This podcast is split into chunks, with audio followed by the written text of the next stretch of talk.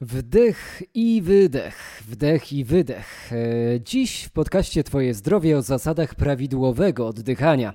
Posłuchajcie, dlaczego obecnie jest to tak ważne. Marcin Czarnbilski, zapraszam. Gdy w dobie koronawirusa dużo się mówi o wzmacnianiu odporności organizmu, warto do diety bogatej warzywa i owoce, aktywności fizycznej dorzucić również właściwe oddychanie.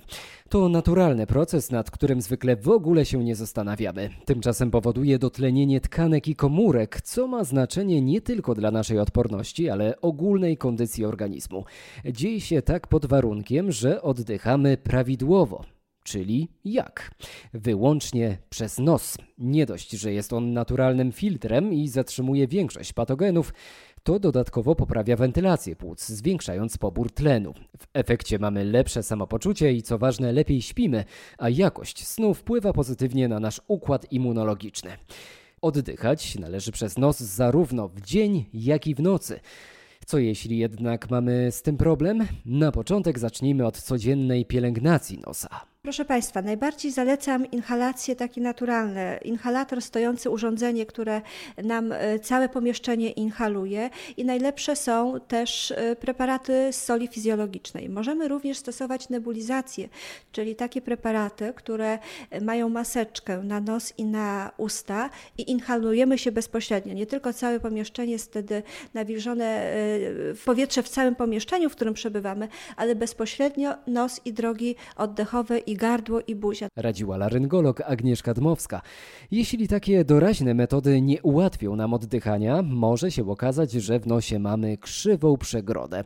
Oczywiście można ją wyprostować, ale wiąże się to z zabiegiem chirurgicznym w znieczuleniu ogólnym. Za problemy z wciągnięciem powietrza nosem odpowiadać może też alergia, a obecnie także maseczki ochronne zakładane na twarz. Maseczka będzie nas prowokować do oddychania szybszego przez usta, a to niestety tylko pogorszy sytuację. Oczywiście trzeba zwrócić uwagę na to, z jakiego materiału jest y, wykonana maseczka, dlatego że te domowym sposobem robione mogą być zbyt gęste i one mogą powodować uczucie duszności. Ważne jest, żeby ten materiał był oddychalny i przepuszczalny dla powietrza, no, żeby można było w tym swobodnie oddychać i żeby to nie zmieniało naszego wzorca oddychania. Wyjaśniła dr Elżbieta Dudzińska, specjalistka zajmująca się zaburzeniami wzorca oddychania i terapiami oddechowymi. Eksperci przypominają o prawidłowym oddychaniu, ale proszą też, by nie bagatelizować objawów laryngologicznych. Czy mogą one wskazywać również na zakażenie koronawirusem? O tym wszystkim już teraz usłyszycie w rozmowie Michała Dobrołowicza z laryngologiem Agnieszką Dmowską. Pani doktor, czy utrata węchu i smaku albo któregoś z tych zmysłów może być objawem koronawirusa, czy, czy to nie powinno nas niepokoić? Proszę Państwa, ja spotykałam się e, z takimi doniesieniami, że to jest jeden z objawów. E, powiem Państwu tak, że koronawirus, jak każdy inny wirus dróg oddechowych, powoduje stan zapalny. Stan zapalny jest związany z obrzękiem, a pole węchowe jest niewielkim polem, którym niewielki rodzaj obrzęku powoduje zaburzenie tego zmysłu, zaburzenie zmysłu węchu. Także tak naprawdę e, nie tylko koronawirus może spowodować utratę węchu, ale także inne infekcje wirusowe.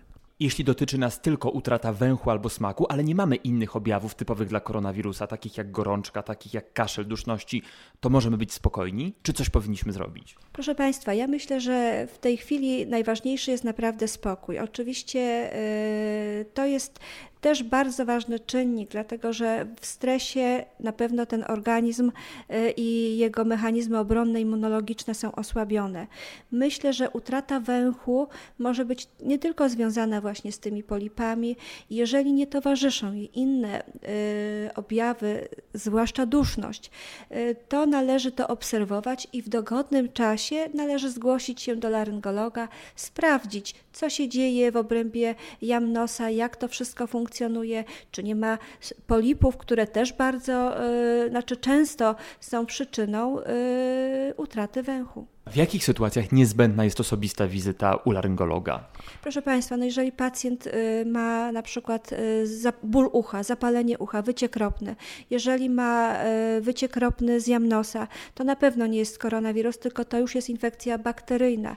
Jeżeli ma ból gardła taki, że nie może przełykać, albo ból jednostronny, może to już świadczyć o ropniu okołomigdałkowym, wtedy jest niezbędna interwencja laryngologa, czasami związana z małym zabiegiem, z odessaniem tej wydzieliny ropnej z ucha, z y, nakłuciem i nacięciem ropnia okołomigdałkowego i tego nie można zrobić zdalnie. Oczywiście trzeba też podać antybiotyk i to wymaga konkretnych i uzasadnionych wskazań. Jak długo taki ból musi trwać, żebyśmy już zgłosili się osobiście do laryngologa? Proszę Państwa, no jeżeli rzeczywiście ból y, jest y, jednodniowy, czasami ból ucha jest tak bardzo intensywny, że pacjent natychmiast poszukuje y, opieki i my y, jak gdyby jesteśmy otwarci i takiej pomocy udzielamy.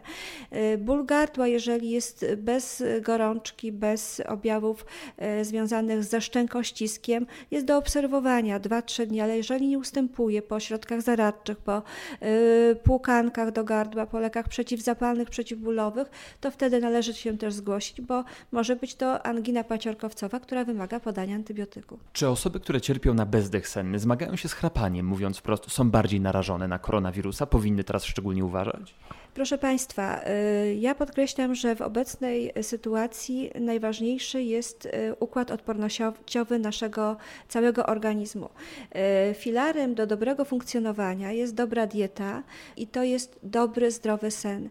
Jeżeli ten sen jest zaburzony poprzez chrapanie, poprzez bezdechy, czyli taką postać, gdzie dochodzi do całkowitego zamknięcia drożności dróg oddechowych, wtedy to już jest niebezpieczne, zagrażające życiu i jak najbardziej bardziej osoby z takimi problemami no, powinny na siebie bardziej uważać. W takiej sytuacji też zgłosić się do laryngologa, telefonicznie najpierw? Proszę Państwa, my takich pacjentów y, mamy już, oni już wracają, bo y, bezdech śródsenny to jest tak naprawdę zagrożenie życia i ten pacjent ma już problemy, może mieć kardiologiczne, może mieć problemy neurologiczne y, i traktuje naszą wizytę i leczenie jako coś nie, niezbędnego do funkcjonowania, a jego dolegliwość, czyli bezdech, jako zagrożenie życia. Mówiła laryngolog Agnieszka Dmowska.